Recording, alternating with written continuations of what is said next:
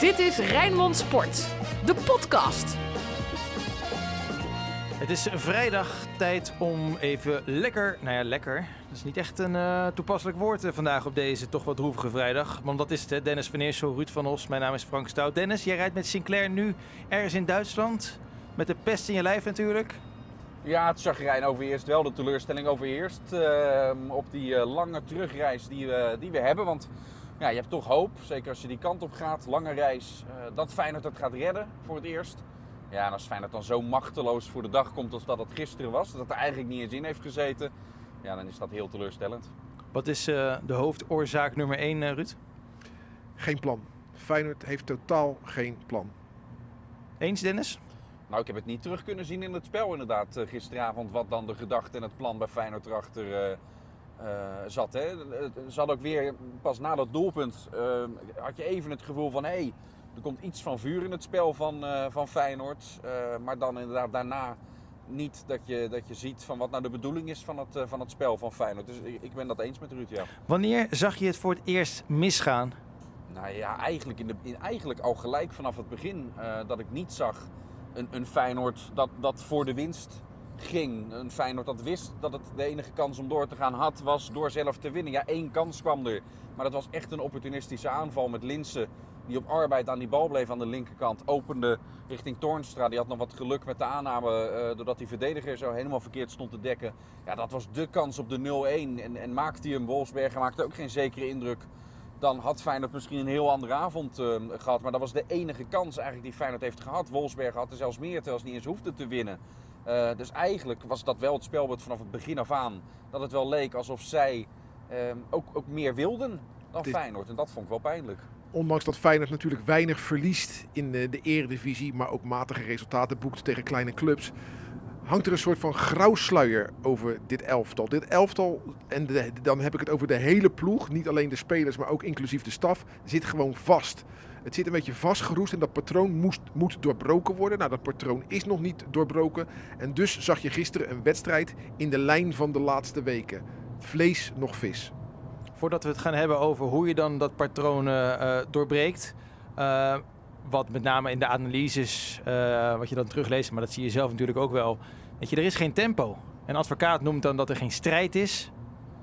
Ja, geen tempo. Dat zien we eigenlijk toch al wekenlang bij Feyenoord, Dennis.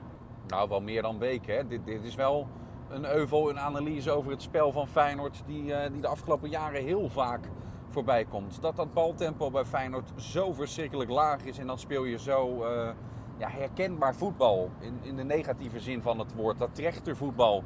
Uh, waar Bart Nieuwkoop het zelf van de week ook, uh, ook over had. Het is zo voorspelbaar wat Feyenoord dan doet. Omdat je dan meiden weer aan ziet komen. Omdat de opbouw zo traag verloopt. En ja, dan, dan op die manier speel je tegenstanders speel je niet, niet stuk. Maar dat is niet van de laatste weken. Dit is eigenlijk, en af en toe zit er dan een uitschieter bij. Maar eigenlijk is dit al veel langer dat we dit over Feyenoord zeggen.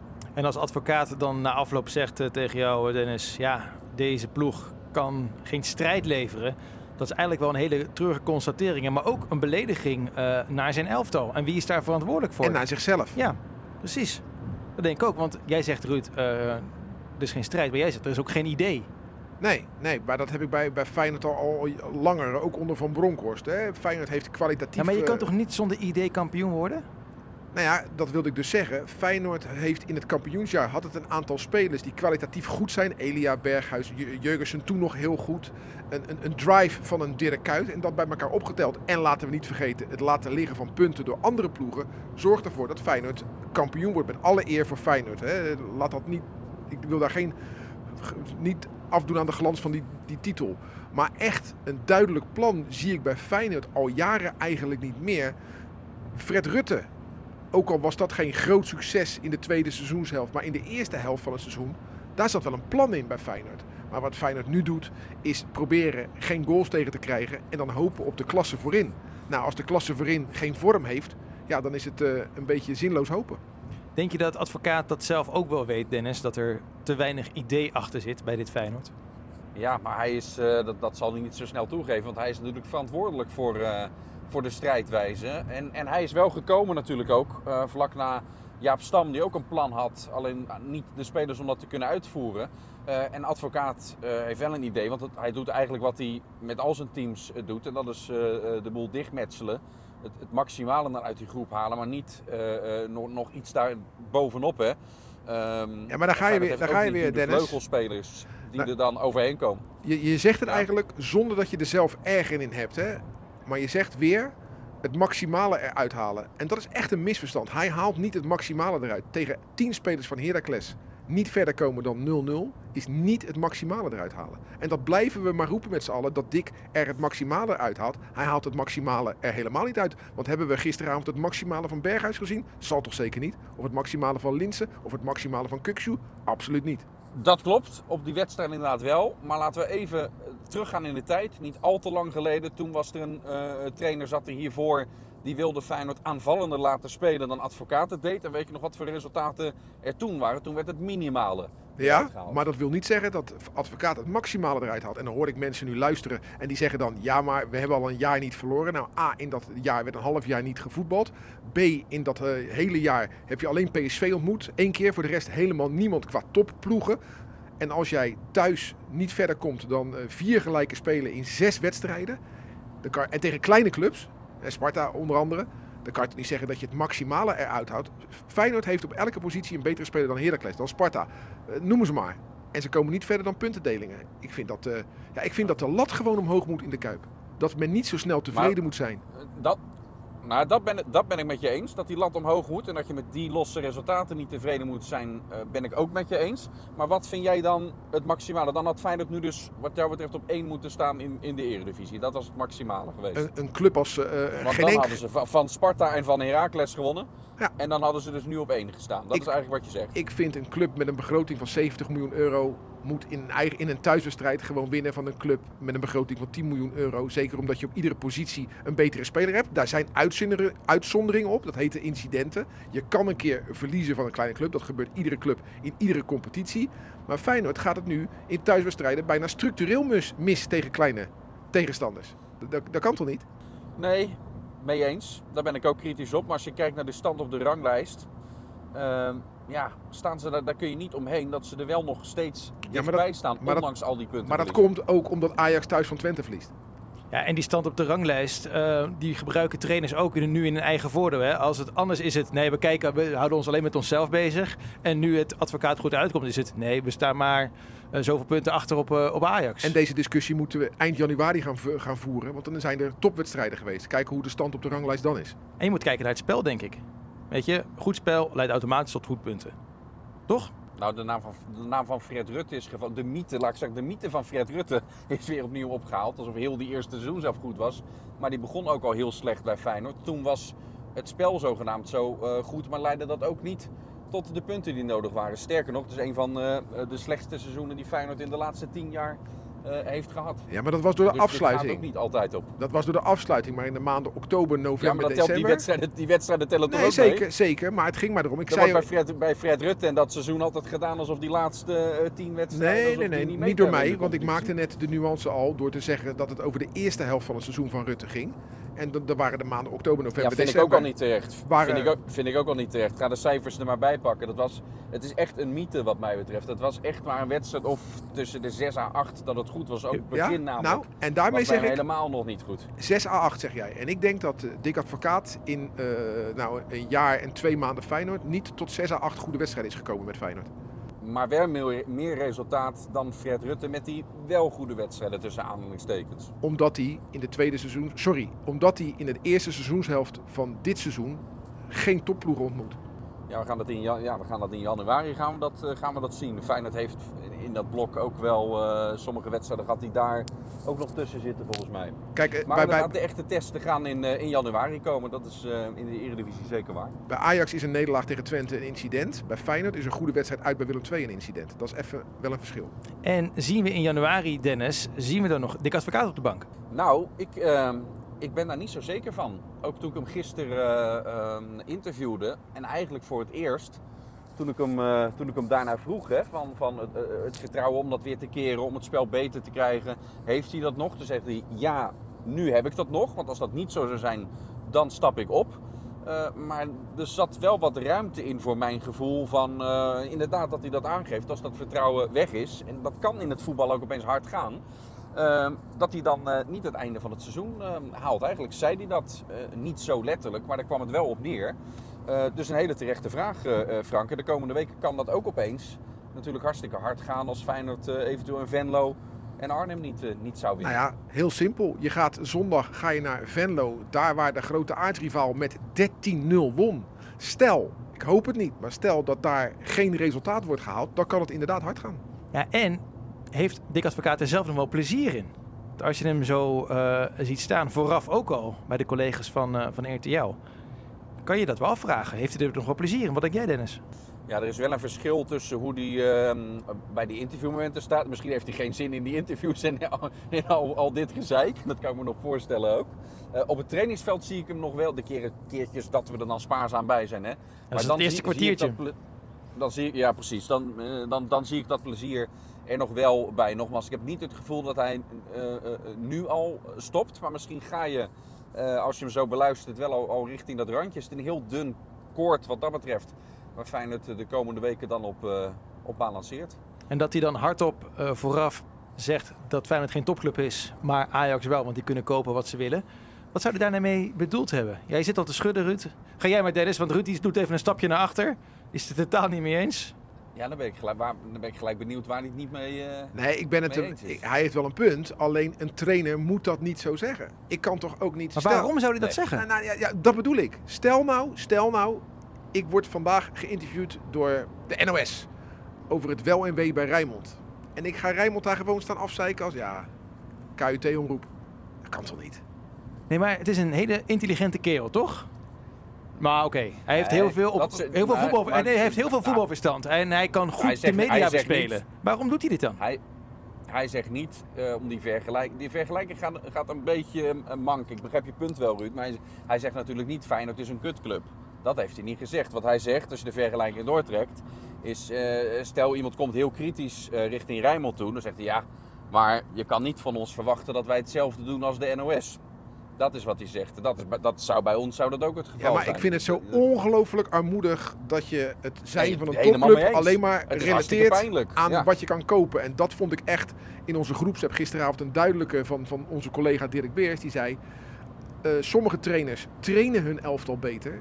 Dirk, eh, eh, Dick Advocaat koopt zijn elftal beter. En dat is zo. Hij is altijd in de weer met het halen van spelers. Terwijl ik denk, ga die voetballers nou eens wat leren... waardoor ze zonder aankopen ook beter gaan functioneren. Maar hij is altijd bezig met aankopen. En dan kan ik de roep om een spits kan ik wel voorstellen, want die, die is echt nodig. Maar Dick Advocaat zijn hele leven roept hij overal bij, bij... Hij kwam bij Sparta. Hij moest spelers hebben. Hij zei op de eerste training, jullie kunnen er niks van. Nou, ze hadden iets genuanceerder gezegd hebben. Er kwamen er zeven bij op zijn verzoek, zeven. En hij degradeerde alsnog en zei, ja, met zulke kwaliteit kan ik ook weinig. Ja, vind ik iets te makkelijk hoor. Maar dan vraagt hij om spelers eh, bij Arnissen. Maar dan gaat hij eraan voorbij dat degene die op zijn eh, hand zijn gekomen, Diemers en Linsen. Ja, zeker Diemers, die wordt met de week slechter, Dennis.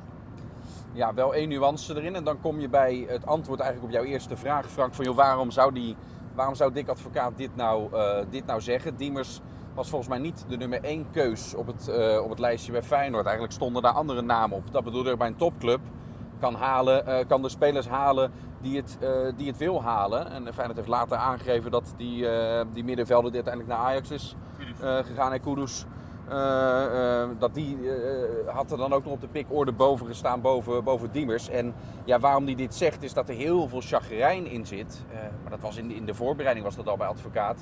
In hoe dat is gegaan in, ehm, ehm, in, in de zomer. Dat Arnes eh, heel veel heeft geïnvesteerd wel in het onder 21 team. Daar kwamen meerdere spelers en hij zat maar te wachten tot er ook spelers bij hem eh, eh, bij kwamen. Nee, dat chagrijn zit er nog steeds wel in bij hem. En speelt zeker mee in zijn woordkeuze en hoe hij het verwoordt. ehm, als hij het hierover heeft. Ja, terwijl alle supporters vinden Feyenoord een topclub. Bijna alle medewerkers op de trainer na vinden Feyenoord een topclub. De media benadert Feyenoord als een topclub. Alleen een van de belangrijkste mensen in de organisatie vindt het dus geen topclub. Maar vooral het beleid vindt hij niet topclubwaardig. Ja, vind ik zo makkelijk. Dat vind ik te makkelijk. Ik bedoel, eh, als wij zeggen dat Dick Advocaat het maximale eruit haalt, dat vind ik niet topclubwaardig. Want het maximale eruit halen, ze doen hun best. Meer zat er niet in. Denk je dat dat eh, ooit gezegd wordt over de LA Lakers als ze een belangrijke playoff wedstrijd eh, verliezen in Amerika? Konden geen strijd leveren. Ja, dat is gewoon... Want zoals Wolfsberger speelt, is er in de Eredivisie geen club. schij alsjeblieft uit de nummer 7 van Oostenrijk. Verliert met 4-1 van FC Tirol. Hoe goed moet FC Tirol dan wel niet zijn? Is het een schande, Dennis, wat er in Europa nu is gebeurd? Had in, nou ja, de- deze wedstrijd eh, eh, wel, de, de, de, hele poolfase daar, dat vind ik dan iets eh, te ver gaan als je heel deze poolfase een schande noemt. Want in Zagreb en in Moskou bijvoorbeeld vond ik dat Feyenoord wel goed voor de dag kwam. Ja, maar je scoort niet, hè? Nee, je scoort niet, maar je pakt een punt in een Europese uitwedstrijd. Eh, Moet ik, moet ik even de, de resultaten van Feyenoord in Europese uitwedstrijden... Ja, maar wat jij nu eh, weer doet, erbij pakken? wat jij nu weer doet, is, eh, je zei het net ook al, onder Jaap Stam was het slecht. Dus eh, valt het nu wel mee. En nu zeg je weer, mag ik de resultaten van vroeger erbij pakken? Dus een puntje in de uitwedstrijd valt nu wel mee. Die beide wedstrijden hadden ze gewoon moeten winnen. En hebben ze niet gedaan. Weten jullie in de laatste 20 jaar hoe vaak Feyenoord Europees heeft Ja, maar overwinterd? Dat boeit mij niet. Dus ik kijk ook, nee, maar ik kijk ook naar het verwachtingspatroon. Ja, maar dat, dat, weet je, daar kan ik niks mee. Ik kijk naar een wedstrijd in Kroatië waar ze een strafschop missen. Ja. Dus, dus Feyenoord had dat duel gewoon moeten winnen. En dat doen ze niet. Feyenoord had van Heracles moeten winnen. Maar dat doen ze niet. En zo kan ik nog even een tijdje doorgaan. En zeker in En- deze en- pool had Feyenoord toch gewoon door kunnen gaan, Dennis. En dan kan ik wel niet zeggen van ja, Nee, omdat dat- ze de afgelopen nee, jaren niet wonnen, ook. hoeven ze nu Maar- ook niet te winnen. Maar, nee, maar jij eh, zegt net dat heel deze poolfase eh, van Feyenoord een, een, ik weet niet welk woordkeuze, Schande, zei, ik. Ik vroeg het, hè? Schande. Ik vroeg het. Ja, dat, dat vind ik niet. Deze, laat, deze laatste wedstrijd en hoe het ging. eh, ja, daarbij, eh, de, tet even navigatieding op hoor, daarom, daarom stotter ik een, een beetje. Ja, bij die laatste wedstrijd ehm, vind ik dat je die woorden wel kan gebruiken, maar niet over heel deze poolfase. Nee, dit was, dit, deze hele poolfase was geen schande. Want je hebt ook gewonnen van CSK Moskou. Dat is degene die laatste geworden is in, in de pool. Dus, dus dat heb je goed gedaan thuis in, in, in de Kuip. Dus, dus ik vind het niet een één grote schande. Maar uiteindelijk Maar hebben, de- ze, hebben deze, ze wel wedst- kijk, deze wedstrijd. deze wedstrijd, Ruud, tegen een team, laten we wel eens als Feyenoord heel dit team zou overnemen, ja, dan bungel je ergens eh middenmoot eh, e- eredivisie. Dus Ja. Feyenoord, Feyenoord heeft gewoon veel meer kwaliteit Ja. dan deze Oostenrijkers. Nou. En dat je daar twee keer van verliest, ja, dat mag natuurlijk niet. Dat Nee. ben ik helemaal met je eens. Maar die resultaten in Zagreb en Moskou, daar blijf ik bij. Met tien man ook nog eens hè, in beide wedstrijden. En dan een punt meenemen, dat vind ik gewoon een goed resultaat. Hoe groot? Ja, in, in Zagreb in de slotfase, Moskou, een hele helft. Hoe groot is nu de kans hè, dat dit seizoen als een nachtkaars uitgaat? Die kans acht ik eh, behoorlijk aanwezig. Want in januari krijg je die maand met al die eh, grote wedstrijden achter elkaar. Als Feyenoord die maand niet goed doorkomt. En sommige spelers zijn ook maar net terug. Hè? Hoe fit is, is, is dan ook die selectie voor die hele belangrijke reeks? Ja, als het in januari eh, misgaat. Met ook een bekerronde volgens mij die er dan al in zit. eh, en stel dat gaat eventueel mis. eh, ja, dan komt hij weer voorbij. Inderdaad, die nachtkaars waar het zo vaak over gaat. En wat moet er dan gebeuren, wil je dat zien te voorkomen, Ruud? Ja, eerlijk zijn naar jezelf. En niet met verzachtende omstandigheden blijven aankomen. Wat ze, met name wat de trainer maar blijft doen. Er zit niet meer in. Nee, hij moet het omdraaien. Er zit wel meer in. En ik ga dat er potverdorie uithalen. En hoe dan? Nou, er is een staf zo groot als het Witte Huis. Er is een medische staf zo groot als het Witte Huis. Daar, daar moet gewoon meer uitgehaald worden. En dan moeten ze misschien maar een externe adviseur erbij halen om, om, om dat, eh, eruit te krijgen. Dat Van Bronckhorst nu advocaat gaat helpen. Nou, ik weet het niet, maar op dit moment zit het, wat ik, ik begon ermee, het zit, het zit muurvast. Het zit muurvast. Daar kan een, een, een goed resultaat bij helpen om dat los te krijgen. En dus ben ik benieuwd hoe ze naar Venlo gaan en hoe ze daarna naar Arnhem gaan. En hoe ze dan thuis tegen Heerenveen, zeg ik het goed hè, hoe ze dan eh, het jaar gaan afsluiten. Dat zijn drie wedstrijden. Nou, negen punten is wat te veel. Maar ik vind toch wel dat dit, deze drie wedstrijden moeten gewonnen worden van VVV. Gewonnen worden thuis van Heerenveen. En dan zeg ik gelijk in Arnhem moeten zeven punten op gaan leveren. Dan sluit je het jaar goed af. En dan is er wellicht nog vertrouwen voor het tweede seizoen zelf. Doe je dat niet, ja, moet je echt eh, achter je oren gaan krabben hoor. Maar neem me nou eens mee in jouw gedachtegang, Ruud. Want nu zeg je zelf drie wedstrijden, zeven punten. Dat, zou dan, dat is dan toch ook niet het maximaal haalbare? In het betoog wat je er net geeft. Ja, maar ik- Nee, dat zouden dan eens negen moeten zijn. Volgens de Nee, gedachtegang die je net Want ik, toepaste. ik, ik volg het eh, al 51 jaar het voetbal en het gebeurt nooit dan wel zelden dat een ploeg 34 wedstrijden speelt en de 34 wint. Ik weet heus wel dat er incidentjes tussen zitten waarin je dus even niet wint. Dus dat, dat, dat, dat snap ik ook wel. Zelfs de grootste kampioen verspeelt wel eens punten. Dus ik zeg als Feyenoord uit de laatste drie wedstrijden van 20, eh, 2020 eh, zeven punten haalt, dan sluiten ze het seizoen goed af. Het, eh, het jaar goed af moet ik zeggen. Hey, en stel nou, hè, eh, Dennis Ruud, stel nou dat het echt zover gaat komen dat Arne Slot tussentijds instapt. Nee? Dat moet hij niet willen, maar is die kans er? Ik hoop het niet. Wat denk jij, Dennis? Stel nou dat de advocaat inderdaad zegt van... ik krijg deze ploeg niet meer aan de, aan de praat... en hoezeer wij het ook zouden betreuren... dat zo'n man met zo'n enorme staat van dienst... nu een stapje terug zou moeten doen... en op deze manier zijn trainerscarrière als clubcoach zou moeten beëindigen. Uh, hoe groot is dan de kans dat Slot in zou stappen? Uh, ja, die, die acht ik dan toch best wel groot. Hij, uh, ik weet niet of het verstandig is, daar kom ik zo op. Maar even uh, de gedachtegang waarvan het slot dat dan misschien wel zou doen... is dat hij toch al dat half jaar heeft om al um, um, te, te, te, wennen aan die club. Om al een beetje het voorwerk te doen voor die Feyenoord wil laten spelen. Het grote risico wat eraan zit is natuurlijk het afbreukrisico. Zeker met de wedstrijden, met het programma wat Feyenoord in die tweede seizoenshelft heeft. Uh, en hij heeft niet de tijd gehad om uh, dat team al te kneden in een voorbereiding om te spelen zoals hij wil. Dus hij zal het tactisch nog een beetje moeten blijven doen, waarschijnlijk zoals het nu is. Uh, ja, en als de resultaten dan tegenvallen, je weet hoe het werkt rondom Feyenoord, je weet hoe de, hoe de toon vaak, uh, vaak is, hoe, hoe, snel je ook afgeschreven wordt. Dat is, dat is een groot risico voor hem om, om te doen. Maar ja, moet Feyenoord anders dan weer een half jaar voor een andere tussenpauze gaan? Want als advocaat stopt, dan is Pot natuurlijk ook weg, is Petrovic ook weg. Uh, en, en, dan moet er een tussenpauze voor een half jaar komen. Dus, dus Feyenoord zit ook wel met een probleem met dat advocaat uh, eventueel volgende week opeens zegt van... Uh, joh, ik stop er met de kerst al mee. Ik wil nog even vooruitblikken ten slotte aan het eind van deze podcast op die wedstrijd bij VVV. Gaan we, gaan we dingen anders zien? In de opstelling bijvoorbeeld? Nou, het zou wel een keer mogen, toch? Ik kan uh, een paar spelers uh, wel opnoemen. Uh, ja, die wie? eigenlijk regelmatig alle spelen. Nou ja, Mark Diemers om, om met eentje te beginnen. Om, om die als eerste eruit te halen. Want ik vond het tegen Heracles was het al een, een, dikke, dikke onvoldoende. En, en gisteravond, gisteravond ook. En hij blijft dezelfde fouten maken. En hij, daarom licht ik hem eruit, kan er wel veel meer uithalen. Geertruida bijvoorbeeld was niet goed. Jurgensen was niet goed. Maar dat zijn spelers die wel al eens op de bank zijn gezet. Diemers nog nooit. Uh, en dat mag, gezien wat hij heeft laten zien de laatste tijd, ook wel, uh, ook wel een keer. En zou Texera op zijn plek moeten gaan spelen? Ja, bijvoorbeeld. Ik weet niet hoe fit Ver is, um, of die, uh, of die eventueel zelf zou kunnen starten in, in Venlo. dan kan Ver weer op zijn eigen plek kun je met Toornstra ook schuiven. Dus er zijn op dat middenveld ook inmiddels wel mogelijkheden om dat te doen, om daar een keer wat, wat te veranderen. Maar ik haal nu Diemers uit, ik had net zo makkelijk ook Kuksu kunnen noemen. Want dat is uh, een van de, de groeibriljantjes, wordt dan gezegd, waarvan ze hopen dat hij veel geld ooit oplevert. Nou, de bedragen die ik dan wel eens hoor, weet ik niet of die bedragen in euro's zijn. Want dat gaat op dit moment, met hoe die nu speelt, gaat dat er nooit, uh, nooit worden. Nee, dat is maximaal 5 miljoen euro. En dan zitten we nog hoog ook waarschijnlijk, als we kijken naar de Kukshoe in, in deze ja, vorm. Als er, al, als er in deze vorm überhaupt al interesse ook in hem en in andere Feyenoorders komt. Hè? Want ik hoor ook verhalen, Feyenoord moet gedwongen verkopen in, uh, in, in de winterstop. We komen binnenkort ook uh, nog wel met een verhaal daar, daarover. Komende week ga ik sowieso ook lang spreken met, met Mark Koevermans. over hoe Feyenoord ervoor staat op, op vele fronten.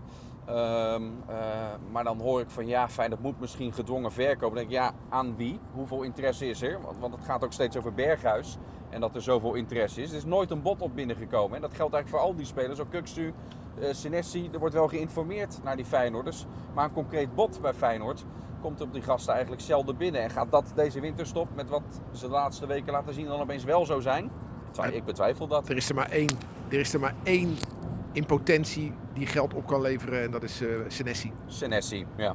ja. Kuksu niet, Eens. Berghuis niet. Want als Berghuis al, uh, dan is het 8 miljoen max. Want dat is, de, eh, dat is de minimale prijs die betaald moet worden. Er mag meer betaald worden, maar dat gaat natuurlijk helemaal niemand doen in deze vorm. Kuksu in deze vorm vind ik 5 miljoen nog veel. Senesi, dat is uh, het goud, uh, het klompje van Feyenoord op dit moment. Half drie, zondagmiddag, is het VVV tegen Feyenoord. Op dat moment trouwens ook Willem II tegen Sparta. Maar ik vermoed dat degenen die nu zitten te luisteren daar niet zo heel erg in uh, geïnteresseerd zijn. Maar we zijn er toch uit gewoon op Radio Rijnmond. Uitzending vanaf twee uur.